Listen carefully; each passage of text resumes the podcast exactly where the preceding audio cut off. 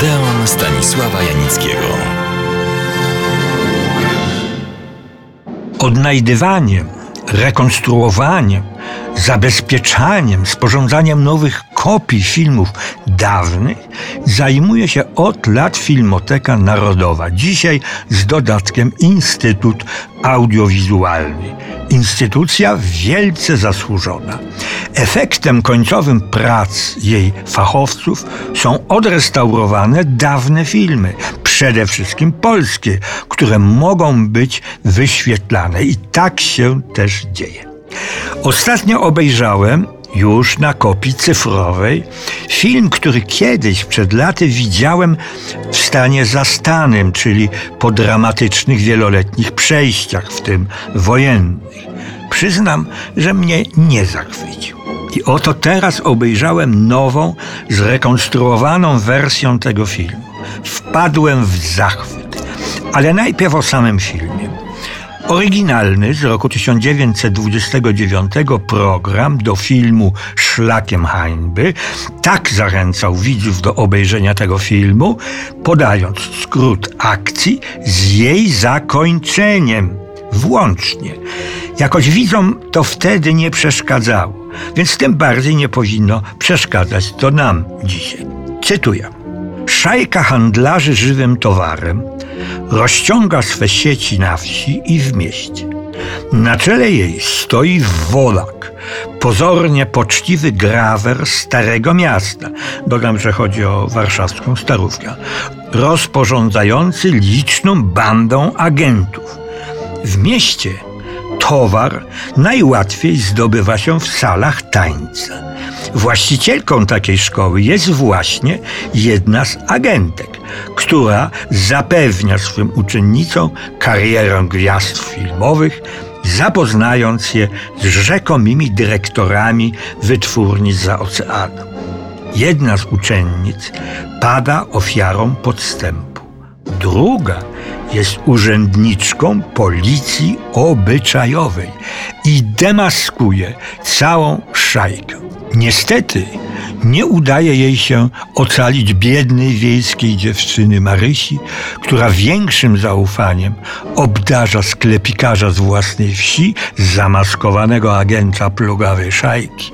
Marysia zostaje wywieziona do Rio de Janeiro i tam dopiero, widząc cierpienie siostry, która rzekomo dorobiła się majątku, a faktycznie prowadzi straszne życie w knajpie portowej, przekonuje się o swej pomyłce.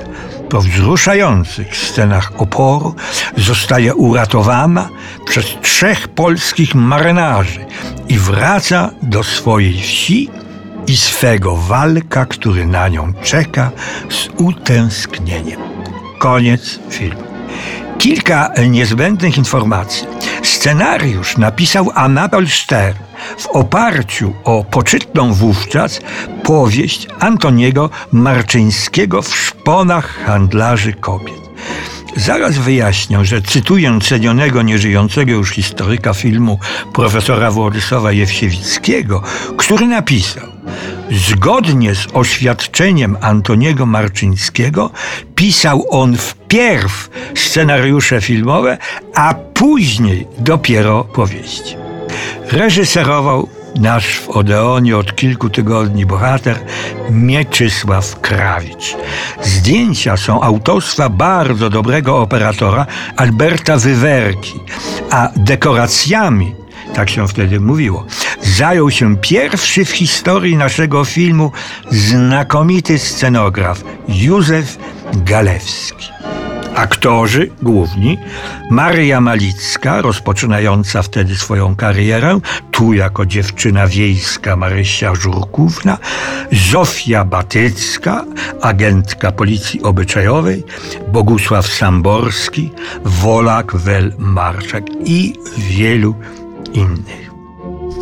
Pisałem przed laty w swojej książce Filmy polskie od 1902 do 1988 roku powściągliwie, ponieważ ta kopia, którą widziałem, nie zachęcała do entuzjazmu. Oglądając teraz zrekonstruowaną i zdigitalizowaną kopię szlakiem hańby, doznałem szoku, a zarazem olśnienia.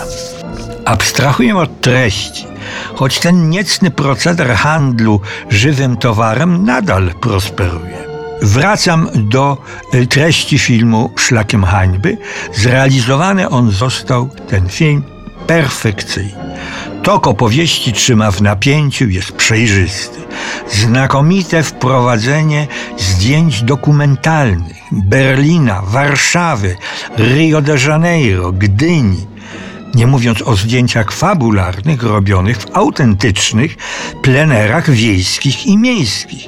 Kapitalne są zdjęcia z powietrza, miast, portu, wiejskiego i miejskiego pleneru. Nawet ślub żydowski nie razi tu swoją odmiennością. Aktorzy, poza kilkoma wyjątkami, grają w sposób stonowany, powiedzielibyśmy realistyczny, pozbawiony naleciałości teatralnej. Jeśli Państwo natraficie na ten film szlakiem hańby, nie obawiajcie się, że to film z dawnej epoki. Ogląda się go tak, jak film współczesny. A teraz zapraszam już Państwa do następnego Odeonu.